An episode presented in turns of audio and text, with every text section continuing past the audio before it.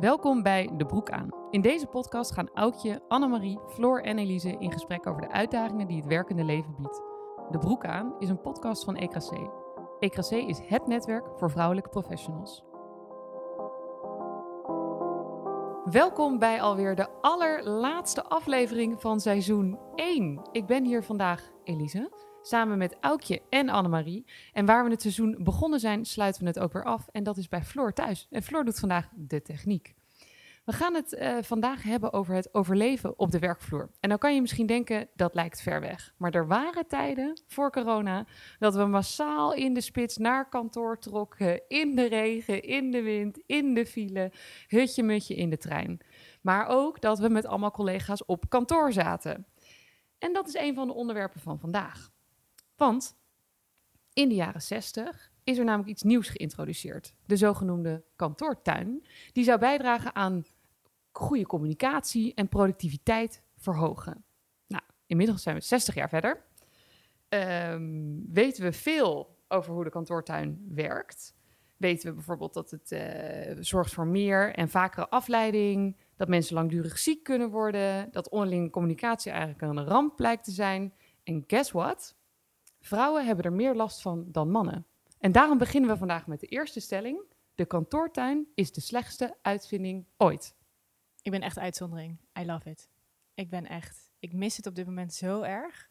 Dus ik vind het, ik bedoel, ik, ik herken, of de onderzoeken en wat er wordt geschreven, over wordt geschreven in de kranten. Maar ik vind het zalig om al dat die geluiden om me heen te horen. Ik zit ook altijd op de drukste plek van de kantoortuin. Dus bij ons in, bij de keuken, waar iedereen koffie haalt. En dat, ja, ik vind het gewoon, uh, ik werk daar zo goed op. Oh, Aukje, wat verschrikkelijk. Ik moet hier ook zo hard om lachen, omdat ik denk, hoe kan dit? Maar dat is goed, dat is goed. Dan hebben we in ieder geval één geluid aan tafel. En Annemarie, hoe is dit voor jou? Nou, ja, de slechtste uitvinding ooit zou ik uh, niet zeggen, denk ik. Um, maar wel uh, een hele slechte uitvinding. Komt dicht in de buurt. ja.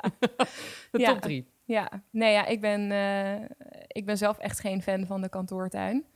Um, alhoewel ik wel moet zeggen dat er een voor corona en een tijdens corona is. Want nu mis ik wel af en toe de kantoortuin en de reuring en de gezelligheid en de collega's. Maar als je dit uh, voor corona aan mij zou hebben gevraagd, dan was mijn antwoord echt volmondig geweest. Ik vind het verschrikkelijk. Ja, ik, ik, ik, sorry, Aukje, wat wil je zeggen? Nou, ik ben gewoon benieuwd wat er dan verschrikkelijk aan is. Maar dit is dus mijn... Ik heb hier goed over nagedacht. Okay. Want ik heb deze stelling natuurlijk gemaakt. Ik vind de kantoortuin echt afgrijzelijk. Ik snap ook echt niet hoe mensen productief kunnen werken in een kantoortuin. Annemarie moet keihard lachen, maar het is echt zo. Het is gewoon onderzocht. Je wordt elke drie minuten gestoord. Gewoon elke drie minuten gestoord. En toen heb ik een onwijs leuk blog gelezen hierover. En toen dacht ik, deze had ik kunnen schrijven. Want het is namelijk altijd een takherrie. Je wordt continu onderbroken in je werk. Je hebt geen privacy. En ik hou er gewoon van om af en toe even in rust en in stilte te werken. Nou, dat kan niet in een kantoortuin. Want als jij net rustig wil werken, dan heeft je collega net een call met iemand anders. Ja, en ik vind dat gewoon heel ingewikkeld, omdat ik dan denk, ik wil net over onderwerp A nadenken. En jij gaat over onderwerp B zitten bellen in je headset zo afgrijzelijk hard, dat ik gewoon niet meer zelf na kan denken. Dus als jij zegt, ik ga lekker op de drukste plek zitten naast het koffiezetapparaat, dan denk ik echt, uh, ja, maar hoe ik moet dan? erbij wel zeggen dat ik, er zit bij mij, je, ik hoor dingen, maar ik luister niet. Dus ik kan echt heel goed afzonderen, afzonderen in de omgeving. En ik krijg er ook best wel commentaar op van collega's die gewoon soms drie keer mijn naam moeten roepen voordat ik dan door heb dat ze tegen mij hebben.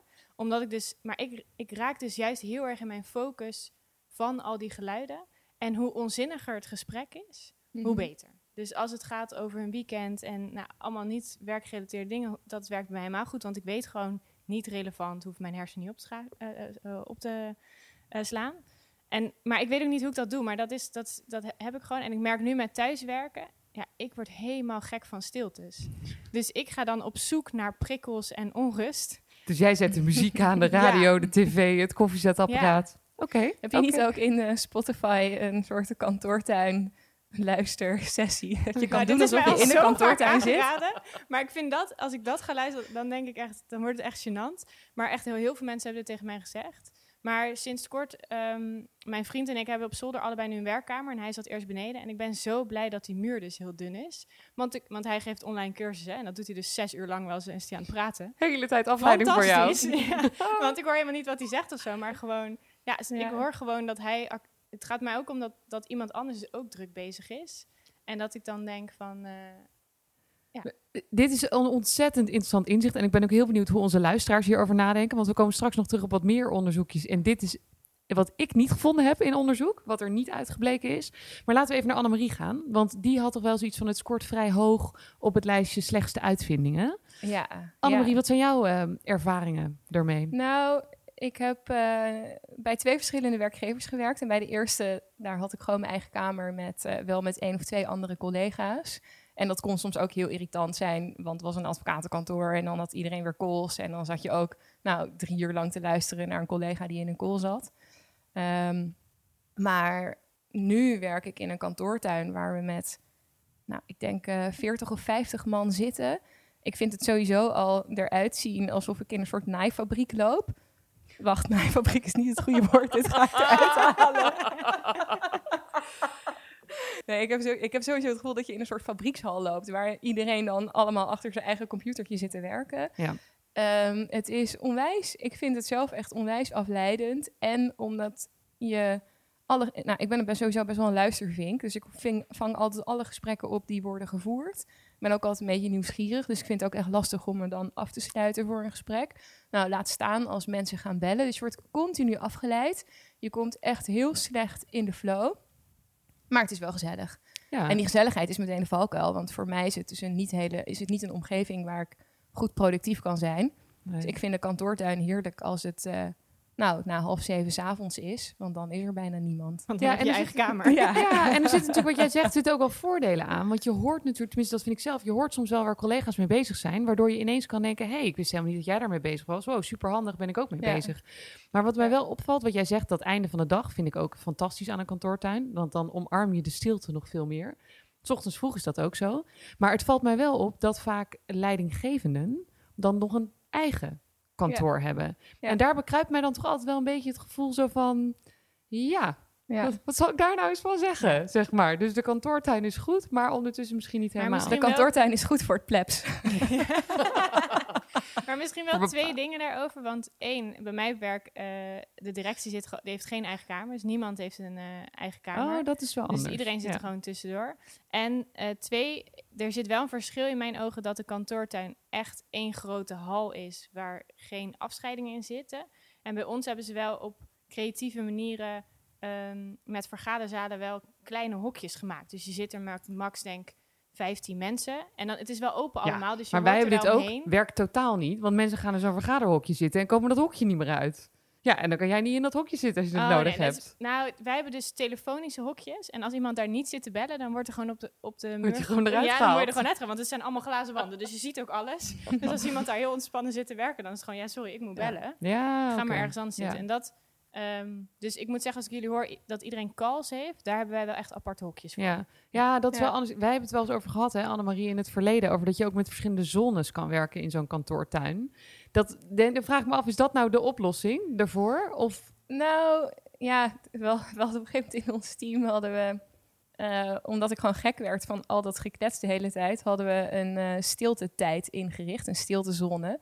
Dus dan mocht je bij de blokken waar wij zaten... mocht je tussen 9 en 12 mocht je niet praten. Hadden we it, zo. love it. Hadden we ook zo op de muur op zo'n bord geschreven... hashtag hou je bek tussen 9 en 12. Oh, heerlijk. Lekker agressief. Passive Lekker aggressive, maar wel duidelijk. Ja, Ja. maar het was heel duidelijk. En ehm, ja, dat werkte dus best wel goed. Maar goed, uiteindelijk is dat ook in de slop geraakt. Ja. En wil je ook niet ehm, de, de schoolse juf zijn die dan zegt... "Eh, het is nu eh, 11 uur, dus eh, Nee. wil je alsjeblieft stil zijn? Nee. Dat doe je dan misschien twee keer. Maar ja, als, er dan, ja, als dat uiteindelijk niet werkt, dan, dan werkt het niet. Want dat moet wel gedragen worden. Je wil ook een Maar- geliefde collega blijven. Ja, maar er Ja. zijn nu wel stukken. Ja, dat ook. Maar er Ja. zijn ook nu stukken, eh, in ieder geval in het pand waar ik zit, waar ehm, eh, eh, dan ook wat meer stiltezones zijn. En dat vind ik wel echt een goed idee. Want Ja. dan heb je gewoon een wat groter deel van een ruimte waar gewoon niet gepraat mag worden. Ja. En eigenlijk zou je dat dan zo moeten inrichten dat je dan niet daar vijf meter naast wel mag praten en kletsen. Nee, en dat, vind, dat, is, dat, is, dat zou denk ik wel een oplossing kunnen zijn, zeg maar. En ik, ik, ik, naar aanloop van deze aflevering zou ik toch even na te denken van wat kan je hier nou over vinden en wat voor bewijs is er allemaal. Nou, en we gaan Aukje aanmelden voor een ander onderzoek, want dat is overduidelijk de uitzondering. Maar in 97 heeft de Universiteit van Calgary in uh, Canada al een eerste onderzoek gedaan hè, naar echt de productiviteit en effectiviteit van de kantoortuin. En die toonde aan dat werknemers minder tevreden zijn en echt minder productief. Ze verliezen namelijk ongeveer 86 minuten effectief werk per dag. En ze maken 50% meer fouten. Dus het is niet alleen maar dat je denkt, oh, je moet mensen misschien hun rust gunnen. Als je wil, zeg maar, dat het ook echt beter gaat, dan zou je dat moeten doen. Een paar weken geleden verscheen er op één vandaag een onderzoek van uh, PwC. En die hadden onderzoek gedaan naar de effectiviteit uh, van thuiswerken. En die hebben eigenlijk gevonden dat er een optimum zit tussen het aantal dagen thuiswerken en het aantal dagen op kantoor werken. Omdat wel degelijk die koffiemomentjes waar je elkaar tegenkomt bijdragen aan creativiteit, je betrokkenheid natuurlijk. En dat je innovatie thuis afneemt. Dat Ja. vond ik wel uniek. Maar dan op kantoor in de kantoortuin of Nee, op dat kantoor stond er niet in bij. losse Ja, dus dat- Nee. kantoorkamertjes. Dat stond er niet bij. Maar ja, Ja. ik kan me voorstellen dat daar ook wel een optimum tussen zit. Omdat er Ja. natuurlijk ook kruisbestuiving plaatsvindt in zo'n kantoortuin. Maar da- daar was de conclusie eigenlijk van niet meer dan drie dagen thuiswerken. Dus toen dacht ik, nou, na corona jongens, gaan we misschien een beetje naar een, een tussenvorm toe. Maar dat van zou ook twee dagen mijn- thuiswerken, twee Ja. dagen kantoortuin. En dan, want dat vind ik wel goed, we hebben ook wel stiltehokjes. Het zijn een soort strafhokjes eigenlijk, waar je ook gewoon geen, geen ramen hebt. Nou, je hebt wel... Nou ja. Nee, ja, nee, ik, ik leg, ik leg het verkeerd uit. Dat klinkt wel echt heel rigoureus. Nee, Als je het- stilte wil, dan ook geen licht.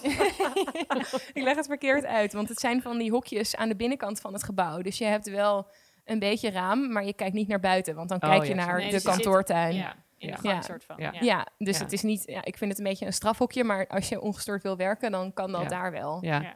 maar het toont volgens mij gewoon aan dat er echt ook wel veel tussenvormen mogelijk moeten zijn. Dus dat je, ik heb ook bij een vorige werkgever met een paar mensen op een kamer gezeten. Dan ben je natuurlijk ook wat sensitiever voordat je denkt, oké, wow, die heeft stress, weet je wel. Laat ik vandaag even wat stiller doen, mijn telefoon is op de gang. Terwijl ja, als je Aukje als collega hebt, dan denk je, nou, ik kom koffie eh, op haar bureau drinken ongeveer. eh, Ze heeft voor het de niet door. Ze heeft het toch niet door. Nee, precies. Nee, maar dat, ja, dat is Nee. oprecht. Ja. Maar en je, oh, sorry, nee, ook je, want jij wil een keer. Nou, en wat bij ons, eh, dat vind ik ook wel. Ik heb zelf nog nooit gebruik van gemaakt, maar eh, zo'n zo'n stilteruimte waar je kan werken is één ding. Maar wij hebben dus ook een soort rustruimte is er gecreëerd. Waarbij er dus, Mhm. ja, onze vergaderzalen hebben eh, is helemaal van glas. Maar daar hebben ze dus gordijnen voor gehangen met echt het idee dat mensen er even zouden kunnen mediteren. Of als je een Oh, dutje wil wat doen. goed. Of dat je heel even gewoon geen mensen wil zien. En dat, je, dat het dus een rustplek is. En, en het wordt, ja, zo kan ik zien, want de gordijnen zijn dan dicht. Mhm. ehm, wordt wel eh, gebruikt. En dat vond ik best wel een, ehm, Ja, nou, een eh, modern iets eigenlijk. je vraagt Ja. wat mensen daar doen als de Ja, dat wel, dicht dat zijn, maar toch ja, Als je dat je denkt, hmm. Iemand denkt gewoon, ik heb even een momentje voor mezelf nodig. Maar en wat mij dus ook echt fascineert aan de kantoortuin, is dat je heel weinig privacy hebt. ja, heel Hè, als jij een, een, een slechte beoordeling hebt gehad, bijvoorbeeld, of je hebt ruzie gehad met een collega en je wil even een potje grienen, Ja, ja, dat- dat dan is dat iedereen. heel awkward in de, Ja. kantoor, Ja. in de Ja. kantoortuin. Terwijl als je gewoon je eigen kamer hebt, wat je desnoods deelt met twee of drie collega's, dan kan die deur wel even dicht. Ja. En kan je wel je moment daar pakken. Ja. En nu is het af en toe, dan zie je, eh, ja, ik vind, ja, nee, ja, ik wil Nee, dat ga- klopt wel. En Nee, maar ik snap dat. dat bij, bij mij is dat altijd heel duidelijk. Als ik dus in de stilteruimte zit, want wij hebben twee stiltezones, dan weet iedereen dat ik echt vreselijke stress heb of net een vervelend gesprek heb gehad. Ja. Want dan denk ik gewoon, dan moet Leave me alone. ja, Ja. maar ja, dat, Ja. dat is Ja. dan wel heel obvious. Maar het is wel, ik bedoel, als afronding van dit onderwerp ben ik het wel heel erg met Annemarie eens. Dat er moet echt wel een balans zijn waarin je ook die ruimte eh, hebt op kantoor om even dat privé momentje te pakken. Want ik denk ook wel eens, je zal ook wel eens gebeld worden over iets of je krijgt een vervelend berichtje. Ja, dan moet niet je enige optie zijn dat je op de wc moet gaan Nee. zitten, zeg maar, omdat je daar de deur dicht kan doen. Wat toch vaak wel een beetje het geval is. Maar we gaan even door over die, ehm, die collega's en die samenwerking daarvan. En we, gaan een beetje een zijsprong nemen. En dat wil ik graag introduceren met eh, journalist, columnist en schrijfster Japke D. Bauma. Ik zie al knikkende gezichten, jullie kennen haar vast. Zij schrijft namelijk veel over vaktaal, die zij vaak omschrijft als jeukwoorden. En dat zijn eigenlijk woorden binnen de kantoorsferen die gebruikt worden, maar eigenlijk objectief tot eh, weinig tot niets voorstellen. Of waar ook gewone woorden voor zijn. En daarom wil ik het eigenlijk eh, nu met jullie gaan hebben over de stelling: kantoorjargon zit in mijn dagelijkse vocabulaire. Helaas wel, ja. Eerlijk antwoord? Ja. Eerlijk antwoord? Oudje? ja, ja, helaas. Oké. Meer dan ik denk eigenlijk. En, en wat zijn dan eh, de woorden die jullie, waar jullie jezelf op betrappen? Nou ja, ik ben eh, jurist van Oh oorsprong. ja, je. ja, dan ben je klaar. Dan ben je meteen af. Want je wordt je snapt meer begint wat met, je zegt. nee, het is alleen maar redelijkheid en billijkheid en ongematigde daad. ja. En nou ja, dat, dat hele vak hangt natuurlijk samen met jargon. Dus. En merk je ook dat je dat in je privéleven die woorden ook gebruikt? Ehm, nou, niet eh, als ik gewoon met eh, vrienden over koetjes en kalfjes praat. Maar als, je het dan, als het wat meer over werk gaat of over de juristerij gaat... Ja, dan is het heel makkelijk om in, in dat jargon te vervallen. Ja. Mijn vriend die straft me daar dan altijd keihard voor af. Die zegt dan, dit snap ik niet. Probeer in gewone taal uit te leggen wat je precies bedoelt. En soms is dat dan echt verdomd lastig Ja. om dat goed uit te kunnen leggen. Ja, nee, dat snap ik. En Aukje, want jij zei ja ook eigenlijk wel. Ja, Wat voor woorden zijn dat bij jou dan? Ehm, ja, iets parkeren. Weet je, maar het, bij mij is het niet. Oh, ik ja. herken wel een beetje het, het eh, werkjargon in de zin van politiek jargon. Dus als je voor een debat heb je verschillende namen voor, dus dan en dan heel veel afkortingen. Dus dan praten we over een AO of een SO en dat is Ja. dan algemeen overleg, Ja. schriftelijk overleg. Nou, bij een algemeen overleg weet nog steeds niet iedereen wat het is. Het is een debat Eh, in de Tweede Kamer. Dat is dus een maar- debat in de ja. Tweede Kamer. Dus je kan ook gewoon zeggen debat, want het is echt niet relevant wat voor type debat, vaak in, in je verhaal. Dus daar merk ik het in. Maar ook wel in van die klassieke, ja, dus inderdaad wat ik net zei, eh, laten we dit even parkeren als ik ergens over wil nadenken. Die gebruik ik best wel vaak. En ergens een klap op geven. Oh ja. Ja. Ehm, dat, dat, ehm, en, eh, en het wordt sparren. ja. Oh ja. Ja. Ja. Oh, dat is wel grappig. Ja. Het zit toch een beetje gelinkt dan aan, aan het, het, het vakgebied waar je in werkt, denk ik dan, van woorden die je tegenkomt. Want Ja. Wat- die Japke doet daar ook heel veel onderzoek naar. Hè? Je kan echt voor de luisteraar die dit leuk vindt, zoek haar even op op Twitter en eh, scroll daar eens doorheen. Ze heeft er ook allemaal boeken over geschreven. Maar het zet mij ook wel een beetje aan het denken dat toen ik bij Shell ging werken, toen, eh, nou, dag één heb je toegang tot je agenda. Hè? Nou, er stonden allemaal GTKY-afspraken in mijn agenda. En eh, die, die- ja, nou, een vrouw had het allemaal voor me ingepland. Daar was ik super dankbaar voor. Maar ik dacht, ja, wat zijn nou die GTKY-afspraken met iedereen, weet je wel? Get to know you? Ah, yes. Het zijn get to know yous. Ja, dat wist ik dus helemaal niet. Dus ik dacht echt, nou joh, oké, prima. Toen dacht ik, ga ik onthouden. Hè? Ga ik dus nooit tegen iemand zeggen buiten de organisatie. Dus van de week mailde ik eh, iemand bij een ander bedrijf. En zei ik, nee joh, eh, relax, het is alleen een, eh, een get to know you. Maar dan met dus die afkorting, GTKY. en zij stuurt naar mij terug. Ik heb net tien minuten na zitten denken. ik denk dat je bedoelt, het is alleen een get to know you. Een kennismakingsgesprek. Gewoon tussen Nederlanders kunnen we gewoon een kennismakingsgesprek noemen, zeg maar. Ik heb deze echt nog nooit gehoord. Nee, maar die is zo, zo specifiek aan een bedrijf. Ja. En wij hadden dat dus ook met dat iemand zei in het begin, we gaan je enorm onboorden. Nou, dat, ik dacht onboorden, ik ga geen vliegtuig in, weet je wel. En dat is dus ook bij grote bedrijven een heel bekend Ja. begrip van we gaan Ja. je meenemen in hoe het hier werkt en hoe het allemaal in elkaar zit. Maar ja, zeg maar eens tegen iemand buiten zo'n groot bedrijf, ik ga je even onboorden. Gaan we vliegen? Ja, weet je wat gaan we doen? dus dat is echt heel bijzonder. Maar ik- even terug naar die jeukwoorden. Hè? Want dit zijn natuurlijk echt wel een beetje die jargonwoorden. Nou, we zeggen eigenlijk ook allemaal, die gebruiken we allemaal. Maar wat zijn nou woorden waarvan je echt denkt... oké, krijg ik jeuk van? Of hoor ik andere mensen gebruiken? Aukje begint hier spontaan al te glimlachen. Dus wat staat erop? Ja, er is er eh, eentje, die vind ik zo raar. En die heb ik de eerste keer ook moeten googlen. En die krijg ik vooral in mails altijd. Is Stavasa. Ik weet niet eens hoe je Oh het ja. precies Oh uitspreekt. ja. Stand van zaken. Ja. Ja. Ja. En ik weet nooit de klemtoon. En de eerste keer dacht ik alleen maar, wat is dit? ja. En dit wordt zoveel gebruikt bij mij Ja. intern. En ik, Ja. nou, ik vind het gewoon... Ik heb mezelf er gelukkig nog niet op betrapt. Omdat ik gewoon... Ik vind het zo... Nou, niet nodig gewoon. We gaan je in de gaten houden of die Ja. terugkomt. Ja, ja. Het, is wel minder type. Weet je, soms zit er ook een voordeel aan. De stafasa. Maar ik zou Ja, niet weten, is het een stafasa of stafasa? ik vind het echt een next level van efficiëntie. Weet je, sommige Ja. dingen... Als je heel langzaam typt, dan scheelt het. Ja, nee, ik vind het echt raar. Nee, dit is ook zo. hey, en Annemarie, zijn er dingen die bij jou eh, opkomen? Ja, ik, nou, ik heb sowieso jeuk van alle niet-juridische jargonwoorden. Ja, omdat jij die, die juridische begrijpt, ja. Heel goed. Eh, en vooral als het een beetje van die Engelse eh, termen zijn die erin komen. Ehm, dus eh, bijvoorbeeld de term raki. Wat is raki? Ja, nou, ik zie je, daar ga je dus al. Ehm, Floor maakt hier het gebaar dat het sterke drank is. ja. Raki. Het is, ja. ook, het is ook inderdaad een Griekse, Grieks toch? Of, uh, Ja, ja, Grieks, Ja, ja. er wordt geknikt. Griekse anijslikeur. Oh. Wel lekker op zich, maar... eh, Interessant werkgever Ehm, als het daar de hele nou tijd ja, het is ook een soort model voor wie responsible is en wie accountable is en wie Oh. informed Oh. moet zijn. En samen is dat dan Oh. Raki.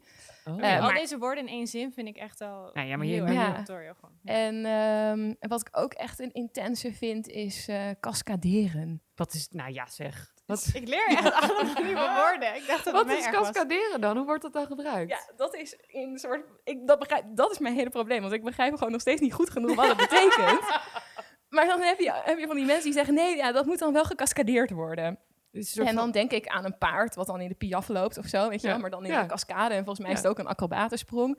Maar dat houdt dan in dat je besluitvorming soort van in een watervalstructuur loopt. Maar Nee. watervalstructuur is ook al. Oh, ja, nou, ja, zoiets. Ja, dat is dat dan is jargon. cascaderen. Of cas vind ik een verschrikkelijk woord ook. Ja, dat snap ik wel. En ik heb hier dus een onwijs leuk onderzoek over gelezen. hey Annemarie, Ja. ik dacht, al komt er nog een onderzoek. zeker.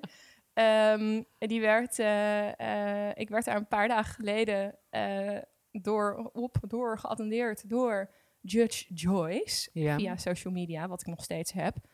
Ehm, en Judge Joyce is een Nederlandse rechter en zij eh, maakt zich hard voor het simpeler maken van vonnissen. Oh ja. Want vonnissen Ja, zijn vaak natuurlijk ook echt niet te lezen Nee. en abracadabra. En in de Ja. rechtspraak heet dat klare taal. Ja. Eh, dus wat, ook een beetje ingewikkeld is, maar een eh, vonnis moet klare taal zijn.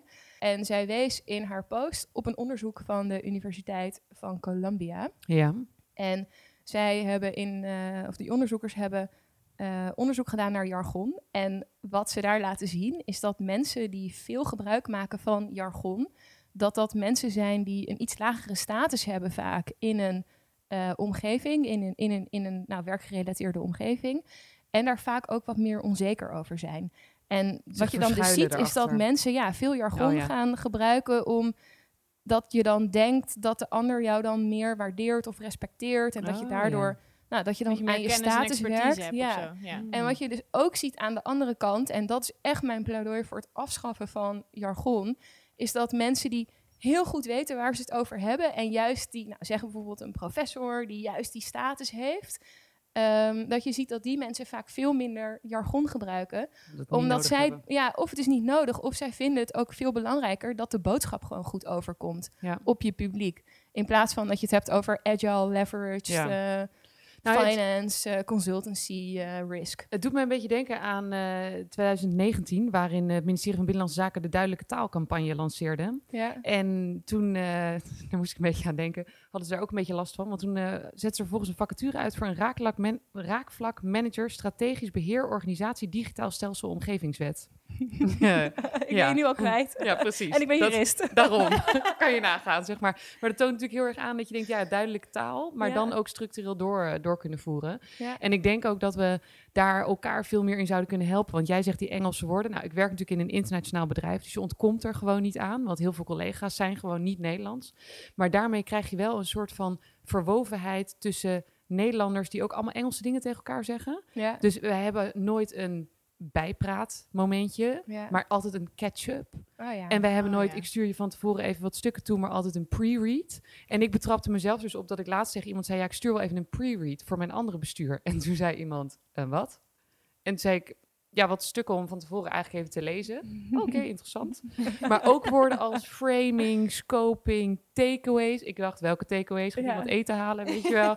Deep dives, die elke keer wat anders betekenen. Het zijn allemaal woorden, ja. kunnen de prullenbak in. Ja, deep dive vind ik ook inderdaad een heel... Dan, dan zie ik meteen iemand voor me die heel diep gaat Duiken. duiken Ja. ergens. Ja. En dat is het. Ja, en dan is dus het verwarrende dat een deep dive altijd wat anders betekent. Ja. En daar schrijft die Japke de Bauma dus ook wat over, want in elk bedrijf is een deep dive iets anders. Dus de ene keer ga je heel diep een onderwerp in, de andere keer doe je meer een soort van flat dive, zeg maar, over een onderwerp. nou, het is fascinerend. Ik zou zeggen, voor iedereen die deze aflevering luistert en denkt, hey, dat komt mij wel bekend voor, of het juridische, of het medische, of de stafasa, of de framing, of de narrative, nog zo één, hè? Gewoon het narratief of het verhaal. Nee, dat heet narrative, jongens. Zoek haar even op op Twitter en, eh, en geniet van haar. Dan gaan we, om dit seizoen af te sluiten, even naar het Powervrouw moment van de week. Want dat hebben we geïntroduceerd dit seizoen. Dus daar sluiten we ook mee af. Oudje. Ja, mijn powervrouw momentje. Ehm, die is al een tijdje geleden, maar ik dacht er deze week eigenlijk aan dat dat een powervrouw moment was. Dus ik wil hem wel graag delen. En dat is dat ik, uh, was eigenlijk voordat we allemaal weer thuis zaten, uh, hadden we een bijeenkomst. En uh, toen kwam een mannelijke collega naar mij toe en die zei, ja, ik heb heel goed naar je geluisterd, want ik heb even tegen de vrouwen die zo moeten spreken, in een soort panel zaten ze, gezegd dat ze niet aan de buitenkant van het podium moeten gaan zitten. En het grappige was dat ik blijkbaar maanden daarvoor ooit tegen hem had gezegd. Toen zaten we ook bij een bijeenkomst naar te kijken. En er was één vrouw. En verder waren er alleen maar mannen. En die vrouw zat helemaal aan de zijkant van het podium. En die viel er echt soort van bijna af. Oh, en toen had ik gezegd: Ja, dit moeten we dus niet. Dit, moet, dit moeten we niet meer willen. Dus nee. je moet echt zorgen dat als er mensen in de minderheid zijn, dat ze echt in het midden zitten. En toen kwam dus helemaal trots naar mij toe dat hij even had geregeld dat de vrouwen in het midden zaten. En toen, vooral mijn powervrouw momentje was gewoon dat ik dacht, zo leuk dat vooral een mannelijke collega het onthoudt en er dus ook naar handelt. Dus ik vond het wel, ja, nogmaals de tip, we zeggen het wel vaker, we moeten dit soort dingen echt blijven benoemen, want zo verandert iets. en nu kunnen ook allemaal mensen die dit weer horen, dit als tip meenemen. Ja. Vrouwen of mannen, of als vrouw, tips aan je mannelijke collega's. Annemarie, wat was jouw powervrouw moment van de week? Ja, die had ik vanochtend, denk ik. Uh, ik ben namelijk, ik dacht, hoe ga ik coronatijd een beetje gezond doorkomen? En ik ben sinds drie weken begonnen met een personal trainer. Heel goed. Heel goed. Mo heet hij. En uh, met mijn vriend, met Job, gaan we één keer in de week gaan we dan met hem. S ochtends om 9 uur, zaterdagochtend 9 uur. Want ja, op vrijdag zit ik toch niet meer in de kroeg. Dus, nee, ik kan dus je kan. Je voelt je fit. ja. ja. Ik ben gewoon fit om, uh, om om 9 uur s ochtends te sporten op zaterdag. Uh, gaan we dan een uur met hem aan de slag. En in de tussentijd doe ik dan door de week, volg ik ook nog wat lesjes bij hem. Maar ik kon dus echt niet opdrukken. En ben ik echt, vond ik mezelf echt een onwijze slappeling. Want ik zak dan meteen door mijn ellebogen en het is verschrikkelijk. Als luisteraar, als je niet kan opdrukken, is dat helemaal prima. ja, maar nu kan ik dus in één keer, dat ervaarde ik vanochtend, wel vanaf mijn knieën. Dus het is nog stap één. Maar lukt het me gewoon in één keer om tien keer zo met een strak, strak bovenlichaam gewoon goed op te drukken. En met power en zonder dat ik te gronden stortte. Dus daar was ik echt heel tevreden mee. Nou, terecht. Zo haal je wat uit die coronaperiode. Ja. Ja, mooie afsluiting denk ik van dit seizoen. Zowel een tip die we nog kunnen delen als eigenlijk een verkapte tip dat het sporten loont als je Ja. volhoudt. Dat je ook echt progressie kan zien. En ik denk eigenlijk dat we de luisteraar willen bedanken voor het luisteren naar dit eerste seizoen van De Broek aan. Stay tuned, volg ons, like ons, laat ons in de comments weten wat je ervan denkt. En dan hopen we je weer een keer eh, terug te zien.